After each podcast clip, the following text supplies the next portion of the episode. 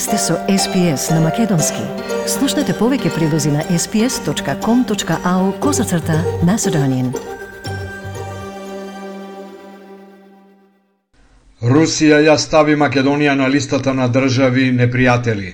На тој список, според официјална Москва, се земјите што воведоа санкции против Русија, а тоа се сите земји членки на Европската Унија и на САД. Од регионот на листата што ја објави руската влада се наоѓаат Албанија и Црнагора, а ги нема Србија и Босна и Херцеговина. Вчера во Манара бил повикан рускиот амбасадор во земјава Сергеј Базникин, објавуваат некои медиуми повикувајќи се на своји извори. На амбасадорот му бил врачен протест за објавата што ја објави руската амбасада пред два дена на официјалната страна, со која, како што стои во објавата, ги евидентира русофобите во Македонија. Представниците на МНР на амбасадорот му предочиле дека објавата е непримерна, заканувачка и надвор од дипломатската комуникација. Министерот за надворешни работи Бујар Османи вчера на брифинг со новинарите рече дека македонската позиција за руската агресија врз Украина е јасна и непроменлива. За последната објава на руската амбасада во земјава дека се следат и се евидентираат сите русофоби во Македонија, Османи рече дека тоа е класична закана. Непристојна објава и е класична закана. Не е објавена само кај нас, туку во сите земји ако во во светот, пред се во во Европа и ние ја интерпретираме како таква, како закана која што е надвор од нормалната дипломатска комуникација помеѓу две држави На прашањето дали рускиот амбасадор во земјава Базникин ќе биде протеран, Османи вели дека за сега нема такво решение, а сите одлуки ќе се носат во координација со ЕУ и со НАТО и со останатите меѓународни организации. Сме во, во координација, се разбира доколку имаме податоци за нарушување на Виенската конвенција, на правилата на однесување ќе постапиме и билатерално, меѓутоа во однос на политичките пораки кои што би ги пратиле до Руската Федерација, сите тие одлуки ќе ги донесеме заедно во координација со, со Европската Унија. Според Османи во моментов не постои директна закана за безбедноста на Македонија поврзана со руската инвазија врз Украина. Сепак тој предупредува дека поради руското влијание во регионов и растечките национализми потребна е предпазливост. Министерката за одбрана Славјанка Петровска на вчерашната тркалезна маса во Кралскиот институт Руси во Лондон целосно ја осуди руската инвазија на Украина. Таа додаде дека Македонија заедно со сојузниците во НАТО дава силна поддршка на суверенитетот и територијалниот интегритет на Украина и дека нападот од страна на Русија е повреда на меѓународното право и на човековите права во Украина, соопшти Министерството за одбрана. 43 македонски граѓани се евакуирани од Украина и се на пат за излез од земјата.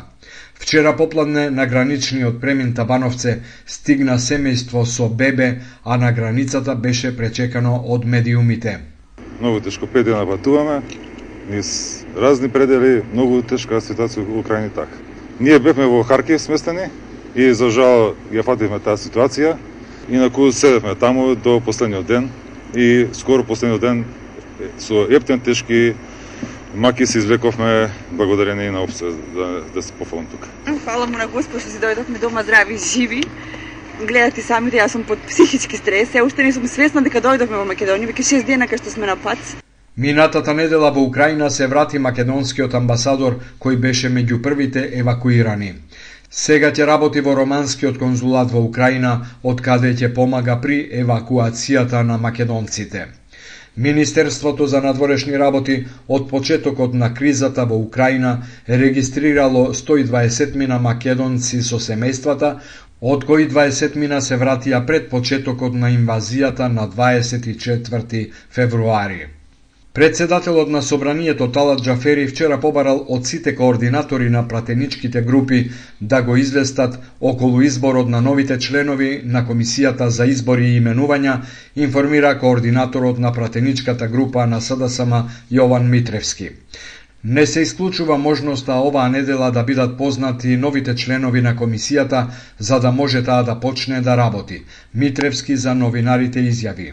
Ние треба да одговориме на тоа писмо, че да ги пополниме тие места, да се изготви одлука која ќе биде ставена на дневен ред на првата наредна нова седница. Кога ќе биде таа, чекам одлука на председател сепак за продолжување на за свикување нова седница.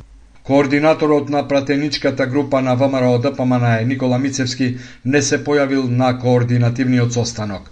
Неговото објаснување беше дека многу од работите што се договарале на предходните координации не се почитувале и затоа не се појавил. Опозицијата не учествуваше на оваа координација и немаме намера во еден догледен период, се додека не се почитува опозицијата да учествуваме на неа. Не им е битно дали ние ќе дадеме заменик член или не, да да го пополниме тоа место, затоа што тоа место на вистина не е, не е важно. Се уште не се спомнуваат имињата на уставните суди што треба оваа комисија да ги избере, а од работата на комисијата зависи работата и на уште други шест комисии во законодавниот дом. Цената на бензините од ноќеска се зголеми за 5,5 денари за литар, а на дизелот за 10 денари. Новата цена на Евросуперот 95 ќе чини 89,5, а на Евросуперот 98 91,5 денар, дизелот ќе чини 85,5 денари. Пратеникот на Гром Лјупчо Пренџов вината за поскапувањето ја префрли на владата. Власта го одби предлогот на ВМРО ДПМН и коалицијата Обнова на Македонија за намалување на акцизата кај горивата за 50%. Тие безочно лажат кога велат дека водат политика која подразбира парите да се враќаат кај граѓаните. Пратеникот на СДСМ Јован Митревски одговори дека за актуелната економска криза се имаат изјаснето надлежните органи.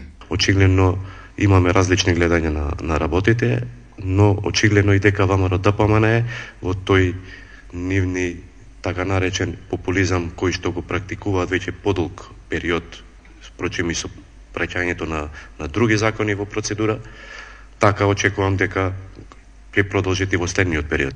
Според председателот на регулаторната комисија за енергетика Марко Бислимовски, нафтени деривати има во доволни количини, но проблем е високата цена, што не е случај само кај нас, туку и во Европа. Премиерот Димитар Ковачевски вчера по средбата со членството на Сојузот на Сдруженијата на пензионерите изјави дека е направен концепт за зголемување на пензиите, но и додатни мерки за заштита на нивниот стандард согласувањето на пензиите ќе се врзе со поростот на да тросрочите за живот со 50% и со просечната плата исто така во висина од 50%. Истата е прифатлива за државата и ќе исполниме во целост, а ќе започне да се применува без дополнителни одлагања со септемвриската пензија токму во оваа 2022 година. Дополнително обезбедивме и директна финансиска помош за речиси 330.000 пензионери кои што ќе добијат по 1000 денари плюс со мартовската, априлската и пензијата во мај. Тој рече дека во 2022 година за 12 месеци заедно со директната финансиска помош во просек пензионерите ќе имаат вкупно годишно околу 12.000 плюс, односно просечно скоро 200 евра повеќе во домашниот буџет за истата година. Најверојатно денеска владата ќе донесе одлука за укинување на мерките за заштита од коронавирусот. Нема веќе да има и документи за примени вакцини и негативен ПСР за излез од земјава, како и потврда за вакцинација за влез во моловите. Меѓу предлозите на Советодавното тело на Министерот за здравство се и враќање на трудниците на работа и на студентите на факултетите. Во согласност со актуелната состојба, епидемиолозите предлагаат постепено укинување на останатите рестрикции за почеток симнување на обврската за носење маска во затворен простор. Сакате ли да чуете повеќе прилози како овој? Слушате подкаст преку Apple Podcasts, Google Podcasts, Spotify или од каде и да ги добивате вашите подкасти.